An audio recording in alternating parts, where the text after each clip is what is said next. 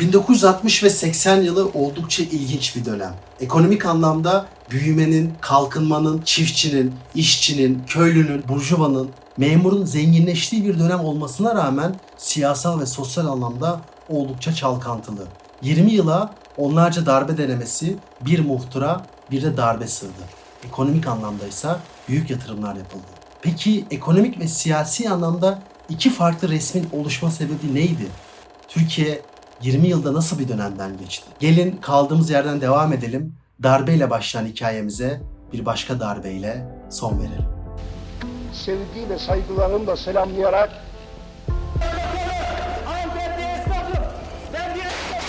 he's bankrupt. Desperately needs vast loans from overseas just to keep going. Ve biz geldiğimizde 23,5 milyar dolar borcumuz vardı IMF'e. 2013 borcumuzu sıfırladık.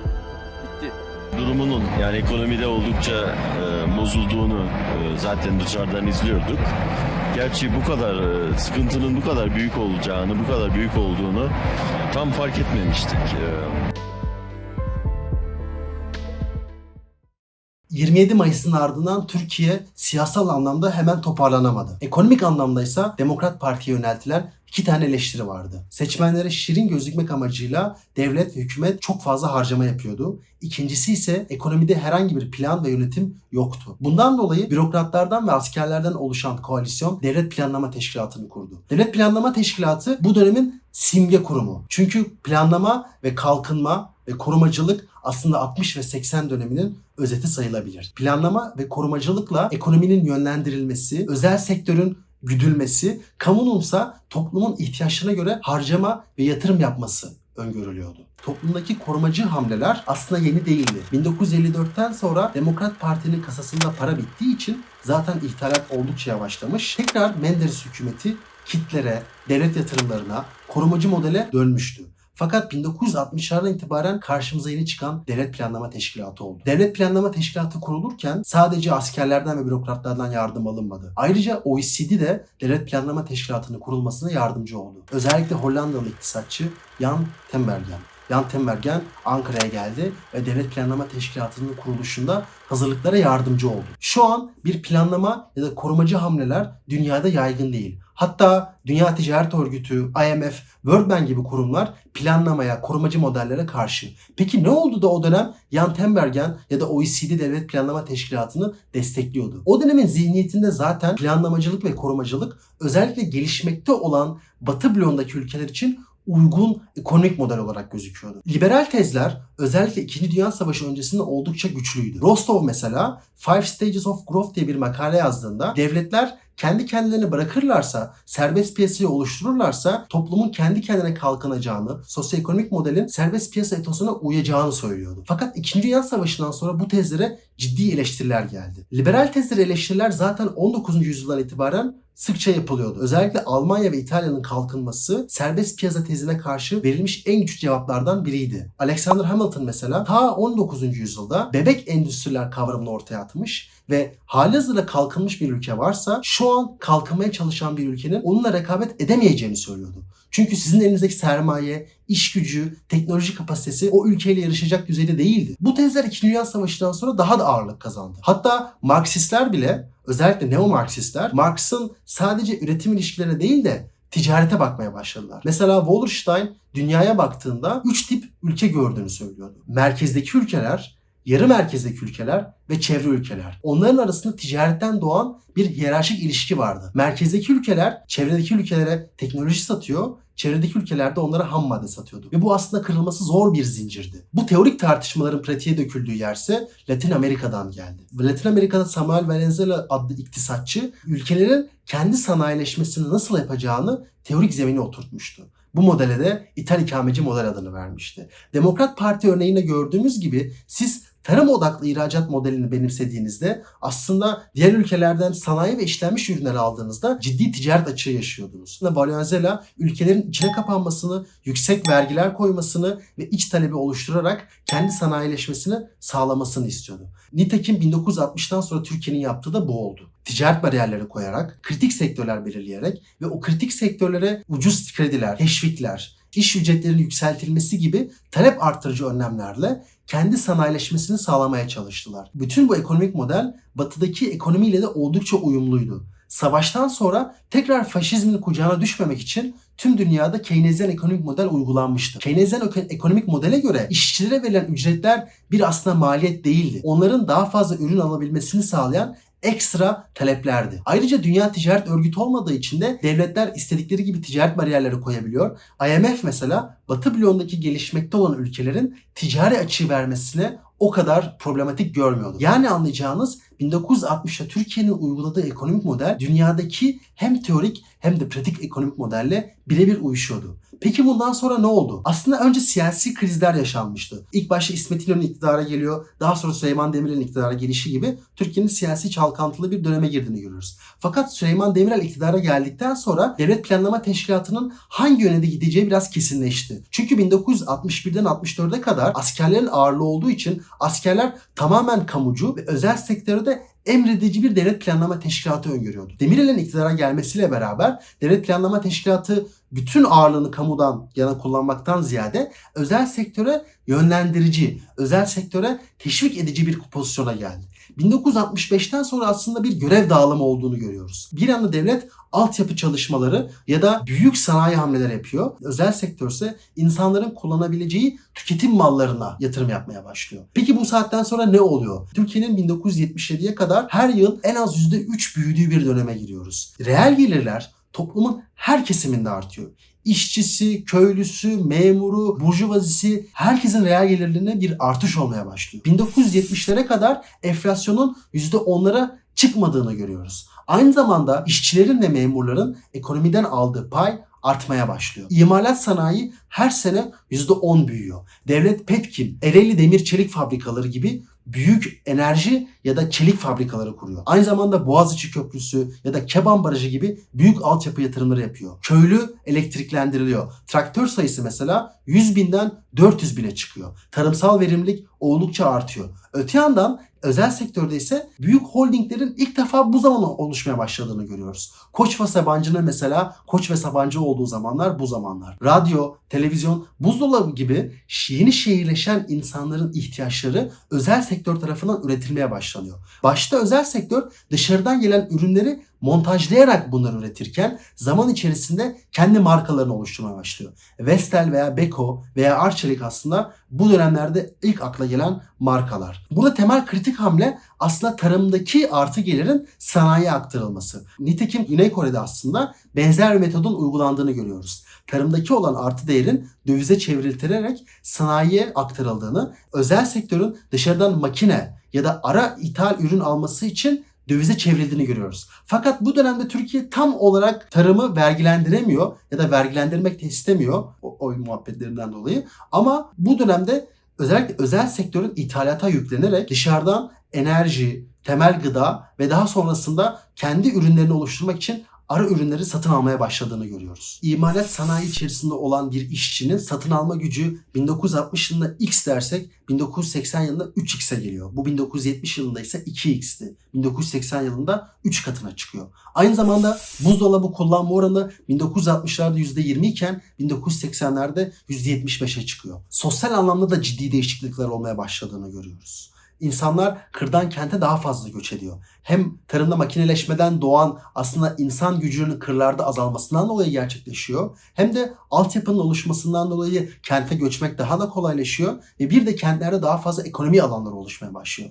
Dolayısıyla şehir ekonomisine katılan insan sayısı artıyor. Artık tarımda verimsiz iş gücünden kentlerde çalışan daha verimli iş gücüne geçirmeye başlandığını görüyoruz. Dolayısıyla iş gücüne katılım artıyor. Ve bir yanda Türkiye, Almanya ve Fransa ile imzaladığı işçi göçlerinden dolayı bu ülkelere ciddi miktarda iş gücü göndermişti. Bu iş gücünün 1970'lerden itibaren Türkiye'ye döviz gönderdiğini görüyoruz. Bunun İngilizce karşılığı remittances. Remittances mesela 1970'lerde 1 milyar dolar ulaşıyor. Çok ciddi bir rakam. Hatta bu Türkiye'nin uzun süre dış ticaret açığını sübvanse etmesinin temel yollarından biriydi. İthal ikamecilik modelinde Türkiye ihracata dayalı bir ekonomik model geliştirmiyor. Her zaman ithalatın daha da fazla patladığını görüyoruz. 1960 yılında ihracatın ithalata oranı %68 iken 1980'lere geldiğimizde bu oran %30'lara kadar düşüyor. Bütün ekonominin içerisinde ithalatın payı 1960'da %7 iken 1980'de %12'ye çıkıyor. İhracat ise beklenen kadar artmıyor.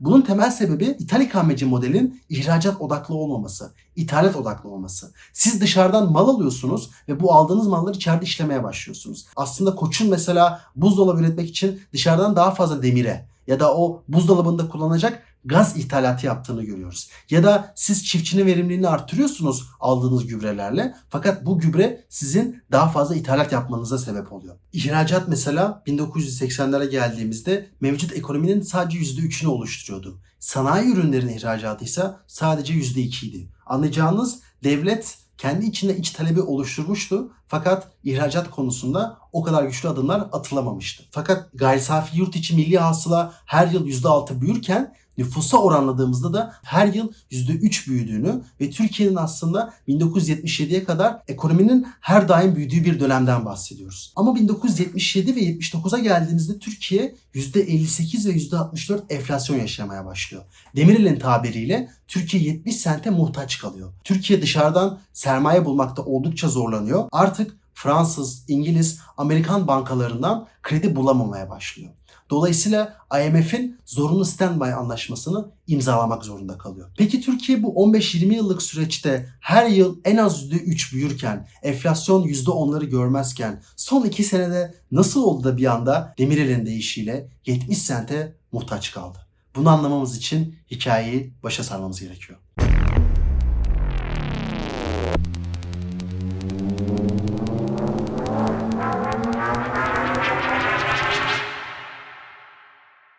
...1960 darbesinden sonra Türkiye siyasal anlamda istikrarına kavuşamadı. 1960 ile 61 arasında iktidar olan Milli Birlik Komitesi bekleneni verememişti ve askerinin içerisinde de homurdanmalar oluştu. Darbeler böyledir. Bir kez gerçekleştikten sonra askeri kendi içine bölünür ve iktidar kavgası olmaya başlar. Biz 1960'tan sonra askerinin sürekli iktidara karıştığı bir döneme giriyoruz. Hatta askerlerin siyasete etkisi o kadar hissediliyor ki Adalet Partisi Ali Fuat Başkili Cumhurbaşkanı adayı yapmak istediğinde askerler buna karşı çıkıyor. Ve bu siyasete müdahale 1960'lar ve 70'ler boyunca her an devam ediyor. Dolayısıyla siyasal iktidarlar oldukça güçsüz, istikrarsız ve kendine güvenemez pozisyonda oluyor.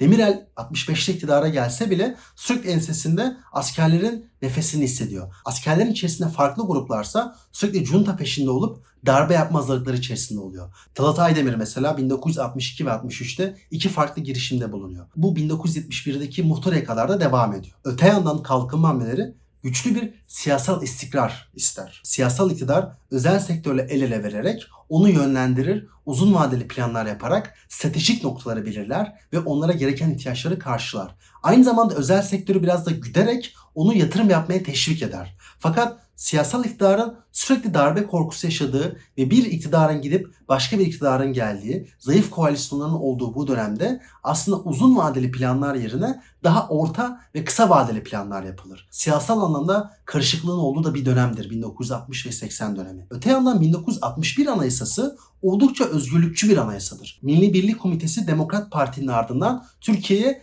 daha geniş özgürlükler sunan bir anayasa yapar. Burada üniversitelerin özerk olduğu, örgütlenme hakkının genişletildiği, TRT'nin özel yapısına kavuştuğu, sendikaların güçlü olduğu bir Türkiye ile karşı karşıya geliriz. Ve 1960'tan itibaren siyasal hareketler zenginleşir. Köyden kente yapılan göçlerle beraber şehirde daha fazla insan siyasal harekete katılır. Basın özgürlüğü artmıştır. İnsanlar siyasal hareketleri daha fazla konuşurulur. Aynı zamanda sendikalar daha fazla işçi toplar. Keynesyen dönemde işçilerin güçlü bir pozisyonda olduğunu söylemiştik. Bu aynı zamanda sendikalaşma oranıyla da paraleldir. Sendikalar güçlü olabilmiştir ve güçlü olduğu için aslında yüksek ücretler alabilir. Bir sosyalist parti, Türkiye İşçi Partisi ilk kez meclise girer. Sokaklarda devrim şarkıları söylenir, işçiler devrim marşlarıyla yürür. Sadece sol değil, sağ hareket de Türkiye'de daha da güçlenmeye başlar. Milliyetçilik, muhafazakarlık, İslamcılık, mukaddesatçılık Türkiye'de daha fazla alan bulur. Milli Türk Talebe Birliği, Ülkücü Hareket gibi oluşumlar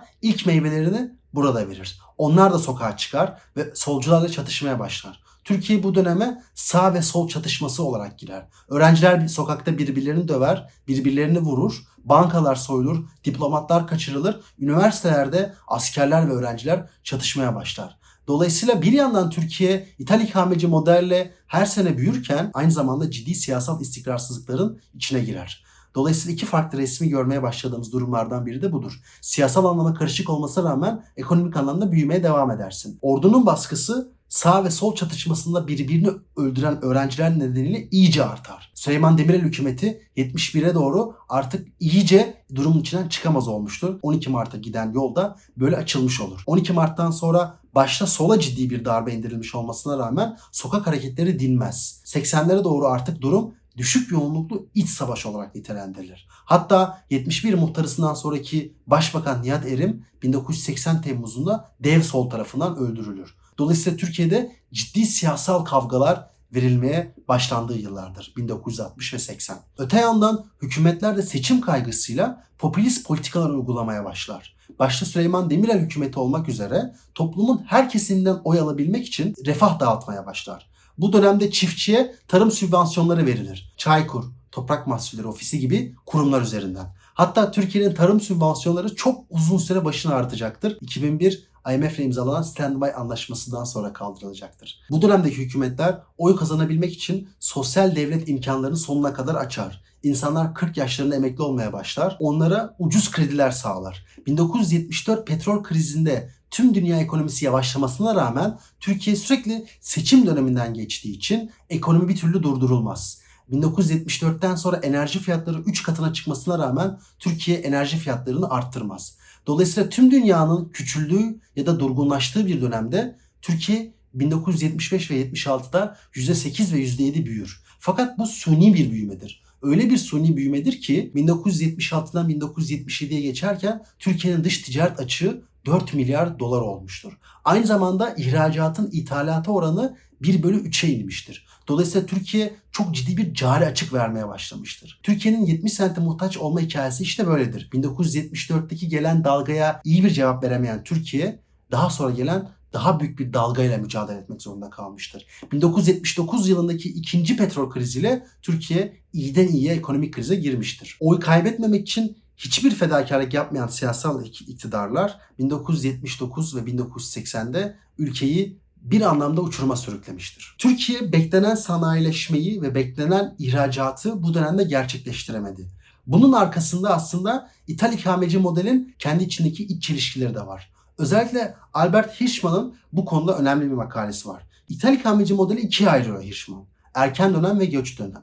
Erken dönemde dışarıdan hızlı teknoloji transferi yaptığınız için ve aramalları hızlıca ulaşabildiğiniz için, elinizdeki sermayeyi kullandığınız için güçlü bir büyüme dalgası yaratıyorsunuz. Fakat daha sonra varmak istediğiniz teknoloji hamlelerine ulaşmak için aslında devletin sadece fabrikaları kurması yeterli olmuyor. Backward and forward linkleri kurmak gerekiyor. Bu sadece bir fabrika kurmak ve oraya o teknolojiyi transfer etmek anlamına gelmiyor yani. İnsan sermayesini geliştirmeniz, altyapı tesislerini kurmanız, uzun vadeli planlar yapmanız, ihracata dolaylı modeli geliştirmeniz, sermaye akışını sağlayabilmeniz ve bütün bunları yaparken devletin özel sektörü kontrol ettiği bir yapıya ulaşması gerekiyor. Fakat bu anlattığımız hikayeler Türkiye'de olmadığı için Türkiye hızlı nüfus artışı, hızlı kentleşme ile beraber varmak istediği kalifiyeli işçi grubunu yaratamadığı için Öte yandan bir demokrasi olduğundan dolayı sürekli toplumdan gelen talepleri dikkate alan hükümetler olduğu için aynı zamanda askeri iktidarın sürekli iktidara karıştığı bir dönemde olduğumuz için bahsettiğimiz ISI politikaları uygulanamıyor.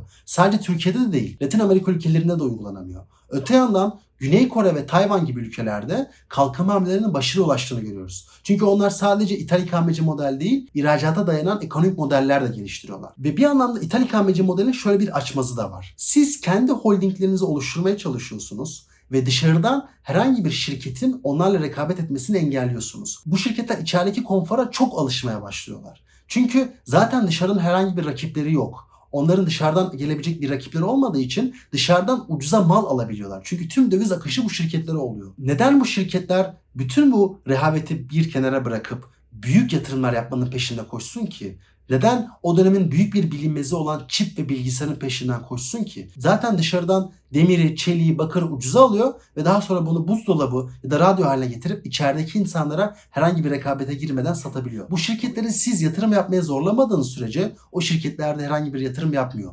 Bu dönemin iktidarları da yeterince güçlü olmadığı için ve iktidarlar istikrarsız olduğu için aslında bu özel şirketler hiçbir zaman bir yön gösterici, bir tayin edici model oluşturamıyorlar. Infant yani bebek endüstriler büyümesine rağmen adım atmak istemiyor. Bütün bunlara rağmen Türkiye'nin 1960 ve 80 dönemi ekonomik anlamda kalkınmanın, büyümenin, zenginleşmenin olduğu bir dönemdir. Türkiye'nin 1960'ta ne durumda, 1980'de ne durumda olduğuna baktığımızda şöyle bir tabloyla karşı karşıya geliyoruz. 1950'deki nüfusu 20.8 milyondan 1980'de 44.5 milyona geliyor. Kentleşme oranı %24'ten %44'e çıkıyor. Ortalama yaş 44'ten 57'ye çıkıyor. Okur yazarlık oranı 33'ten 68'e çıkarken tarımdaki iş gücünün payı %75-80 arasından %50'lere kadar geriliyor. Bu yani ekonomide verimliliğin artışı demek. Aynı zamanda imalat sanayinin yurt içi hasılanın içerisindeki payı %13'ten %17'ye çıkıyor. İhracat dediğimiz gibi geriliyor. İthalatın payı ise artıyor. Kamu kesiminin gelirleri ise düşüyor. Aynı zamanda Türkiye yaşadığı büyümeyle dünya ortalamasının üzerine de çıktığını görüyoruz. Dünyada 1950'de kişi başına olan gelir 2100'den 1980'de 4500'e çıkarken bu rakam Türkiye'de 1600 iken 1980'de 4750'ye çıkıyor. Dünya ortalama olarak iki katından biraz daha fazla büyürken Türkiye 3 katından daha fazla büyüyor. Bu dönemin şampiyonu Japonya olmasına rağmen Türkiye'de aslında gelişmeye başlayan önemli ülkeler arasında. Şevket Pamuk bu dönemki büyümeyi iki noktada topluyor. Türkiye birinci olarak verimlilik odaklı bir büyüme gerçekleştiremiyor. Türkiye'nin temel problemlerinden biri verimlilik odaklı büyüyememesi. Bu dönem ekstansif bir büyüme. Ekstansif olmasının sebebi şu. Türkiye içeri giren girdi sayısını arttırıyor. Yani kırlarda olan insanlar kentlere girdiği için Türkiye daha fazla büyümeye başlıyor. Ya da dışarı giden işçiler Türkiye'ye döviz gönderdiği için Türkiye'nin ekonomik payının büyüdüğünü görüyoruz. Yani var olan insanları daha verimli konuma getirmiyorsunuz. Çünkü bu daha zor bir şey. Onları bir noktasından iki noktasına taşımak, üç noktasından beş noktasına taşımaktan daha kolay. Dolayısıyla Türkiye'nin ekstensif büyüdüğü bir dönem. İkinci olarak Türkiye'nin sosyokültürel yapısı tamamen değişmeye başladığı bir dönem. Türkiye'de artık şehirleşme başlıyor. Bununla beraber Türkiye'deki kapitalist modelin Batı Avrupa'dan biraz farklılaştığını görüyoruz. Batı Avrupa'da kapitalist model mülksüzleşme üzerine kurulu. İngiltere'de mesela tarım arazileri çevrelenirken bir sürü köylü topraksız kalmış ve şehre gidip kötü koşullarda yaşamak zorunda kalmıştı. Türkiye'de ise insanlar topraklarını bırakıp kente gitmesine rağmen gece kondu mahalleleri, kayıt dışı ekonomi, işportacılık ve bunun gibi aslında ekonomik sektörlerle bir şekilde ekonomiye entegre olduğunu görüyoruz. Tamamen bir mülksüzleşme süreci de yok. Topluma entegre olan, toplumun çeperlerinde yaşayan ciddi bir grup oluşuyor. Hatta Kemal Sunal'ın filmleri, Orhan Gencebay'ın şarkıları bu insanları anlatmaya başlıyor. Nitekim Türkiye 2000'lerin başına kadar bu şehirleşme fenomenini yaşamaya devam edecek. Ve Türkiye'nin hikayesi bambaşka bir noktaya konacak. Peki bütün bunların üzerine ne söyleyebiliriz? Muhafazakar bir siyaset bilimci olan Huntington şöyle diyor. Demokrasi iyidir, demokratikleşme kötüdür. Ekonomik kalkınma sonuna vardığımızda iyi olmasına rağmen o süreç sancılıdır.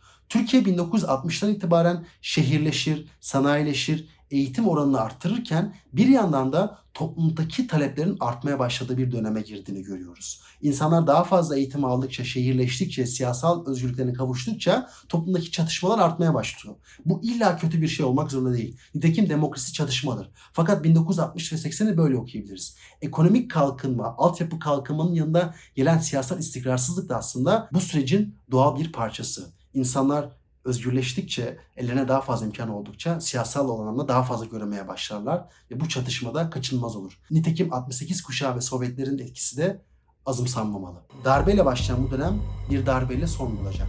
Emir komuta zinciri altında yapılan bir darbe toplumun üzerinden silindir gibi geçirecek ve Türkiye bambaşka bir döneme, bambaşka bir ekonomik yapıya uyanacak. Artık kalkınma değil, serbest piyasa, serbest döviz ve Turgut Özal konuşulacak.